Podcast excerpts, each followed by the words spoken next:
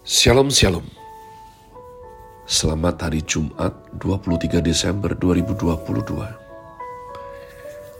Saya pendeta Kaleb Hofer Bintoro dalam anugerahnya. Penuh sukacita sampaikan pesan Tuhan melalui Grace Words yakni suatu program renungan harian yang disusun dengan disiplin kami doakan dengan setia supaya makin dalam kita beroleh pengertian mengenai iman pengharapan, dan kasih yang terkandung dalam Kristus Yesus. Sungguh besar kerinduan saya bagi saudara sekalian, agar supaya kasih dan kuasa firman Tuhan setiap hari tidak pernah berhenti menjamah hati, menggarap pola pikir dan paling utama hidup kita boleh sungguh terbukti berubah menuju Christ likeness. Berada dalam season winter dengan tema bulan ini Glorify the King through the Church Grace Word hari ini saya berikan judul Matius Fatsal yang pertama. Kita sudah menyelesaikan untuk kesekian kalinya, ya perjanjian lama.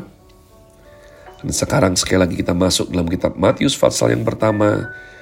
Sungguh besar anugerah Tuhan saya bertekad selama hayat masih dikandung badan. Itu artinya kita rindu untuk katam membaca kitab suci kita daripada kejadian sampai wahyu hingga selesai. Tidak ada tekanan, tidak ada uh, deadline, ya. Pokok bisa satu fatsal, dua fatsal, kita jalani bersama-sama. Adapun program ini juga di broadcast melalui channel GBI Rock Fluid dengan tajuk podcast with Jesus. Mari kita buka yakni Fatsal 1 Kitab Matius Silsilah Yesus Kristus Tuhan. Inilah silsilah Yesus Kristus anak Daud, anak Abraham. Abraham memperanakkan Ishak, Ishak memperanakkan Yakub, Yakub memperanakkan Yehuda dan saudara-saudaranya. Yehuda memperanakkan Peres dan Zerah dari Tamar. Peres memperanakkan Hezron, Hezron memperanakkan Ram. Ram memperanakkan Aminadab, Aminadab memperanakkan Nahason, Nahason memperanakkan Salmon, Salmon memperanakkan Boas dari Rahab, Boas memperanakkan Obed dari Ruth, Obed memperanakkan Isai, Isai memperanakkan Raja Daud, Daud memperanakkan Salomo dari istri Uriah, Salomo memperanakkan Rahabeam. Rahabeam memperanakkan Abia. Abia memperanakkan Asa. Asa memperanakkan Yosafat. Yosafat memperanakkan Yoram. Yoram memperanakkan Uzia. Uzia memperanakkan Yotam. Yotam memperanakkan Ahas. Ahas memperanakkan Hiskia. Hiskia memperanakkan Manase. Manase memperanakkan Amon. Amon memperanakkan Yosia. Yosia memperanakkan Yekonya dan saudara-saudaranya pada waktu pembuangan ke Babel. Sesudah pembuangan ke Babel, Yekonya memperanakkan Sealtiel. Sealtiel memperanakkan Zerubabel. Zerubabel memperanakkan Abihud. Abihud memperanakkan El Yakim. El Yakim memperanakkan Azor. Azor memperanakkan Zadok. Zadok memperanakkan Achim. Achim memperanakkan Eliud. Eliud memperanakkan Eleazar. Eleazar memperanakkan Matan. Matan memperanakkan Yakub. Yakub memperanakkan Yusuf, suami Maria, yang melahirkan Yesus yang disebut Kristus.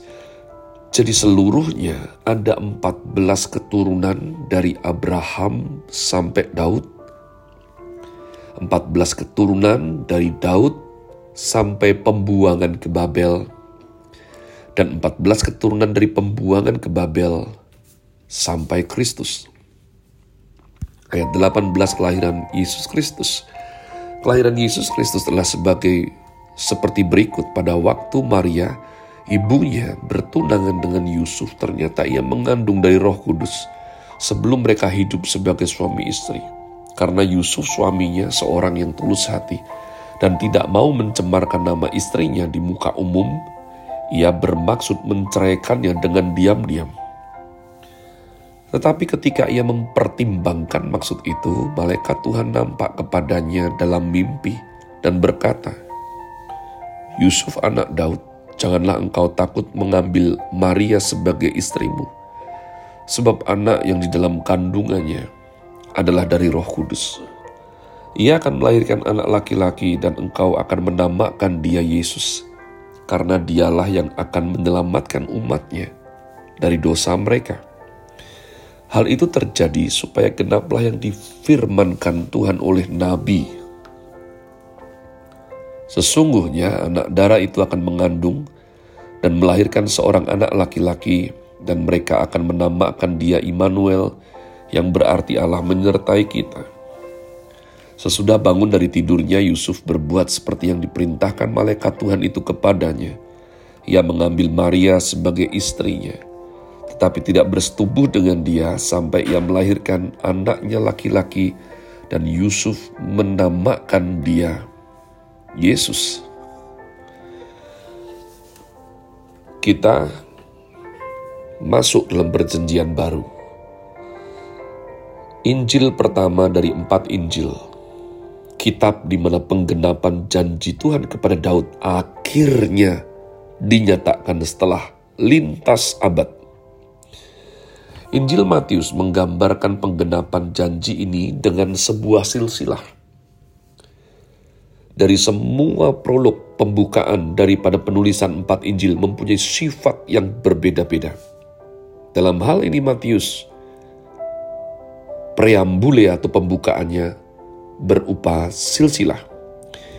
Ini silsilah yang menyatakan genapnya janji Tuhan yang diberikannya kepada Abraham dan Daud dalam Matius 1 ayat 1 sampai 5 tadi kita baca dicatat silsilah Tuhan Yesus dari kitab Kejadian hingga munculnya Isai.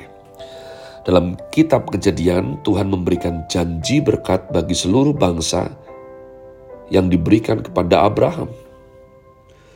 Tetapi walaupun Abraham, Ishak dan Yakub merupakan tokoh yang agung, tetapi Yehuda merupakan tokoh yang kelakuannya memalukan Demikian juga dengan Peres yang merupakan tokoh yang proses dikandungnya hingga saat kelahirannya memalukan karena tingkah laku ayah dan ibunya. Anda bisa pelajari di kejadian 38. Demikian juga ayat 45 membahas tokoh-tokoh biasa tetapi memasukkan satu perempuan Moab ke dalamnya. Ya, Ruth Meskipun Moab merupakan bangsa yang dinajiskan, ini adalah catatan silsilah yang dimulai dengan janji yang sangat mulia, diakhiri dengan terwujudnya dinasti raja yang dimulai dari anak Isai.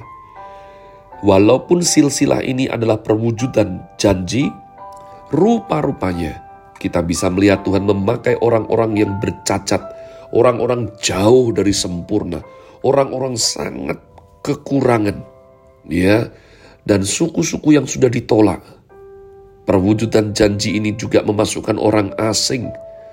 Bentuk pernyataan bahwa memang perjanjian baru, Israel yang baru, akan dipimpin oleh sang raja yakni Mesias, di mana anggota kerajaannya adalah berbagai macam suku bangsa.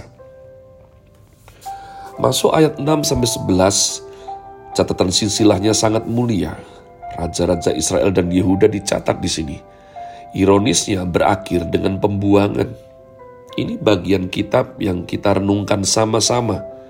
Ya, dari kitab 1, 2 Samuel, 1, 2 Raja-Raja, Raja-Raja Israel bangkit dan turun.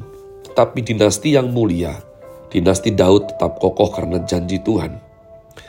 Janji Tuhanlah yang mempertahankan dinasti ini hingga tiba pada Kristus Yesus. Jika bukan karena janji Tuhan, maka seharusnya lah keluarga kerajaan ini sudah hancur, punah, pasti punah. Karena banyak dari raja-raja mereka tidak setia, bahkan bertindak sangat jahat di hadapan Tuhan. Dan kitab suci kita mencatat tanpa tedeng aling-aling kesalahan demi kesalahan yang diperbuat.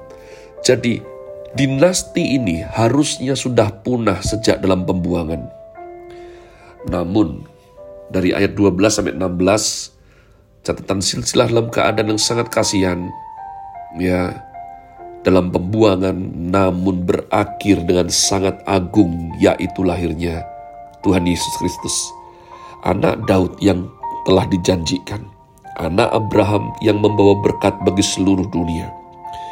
Ayat 17 perhatikan ditutup dengan kesimpulan pola 14 apa istimewa angka 14 angka 14 adalah angka gabungan dari sebuah nama yakni Daud ya bahasa alfabet kita DVD.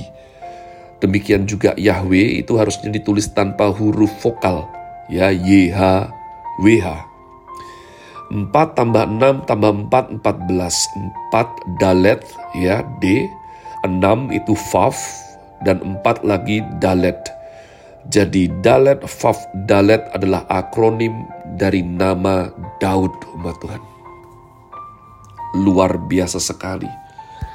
Jadi Matius memberikan silsilah dengan tujuan yang jelas, menyiapkan seluruh pembacanya untuk menerima Israel yang baru, dipimpin oleh sang raja yang masih keturunan Daud secara manusia, ya, mengingatkan keagungan Israel yang luar biasa walaupun di dalamnya terkandung kegagalan Yehuda Tamar, ada dosa Daud dengan Betsheba, luar biasa. Dari satu silsilah kita diberitahu bahwa sang raja ini yang datang mengampuni, memulihkan orang-orang yang tadinya tidak pantas, tidak layak, tapi beroleh belas kasihan dan berkat yang besar. Sebab anak Daud, sang Mesias, the King of Kings itu dinyatakan sesuai perjanjian atau nubuatan yang sudah disampaikan jauh sebelum Kristus Yesus lahir di Bethlehem. Have a nice day. Tuhan Yesus memberkati saudara sekalian. Sola. Grazie.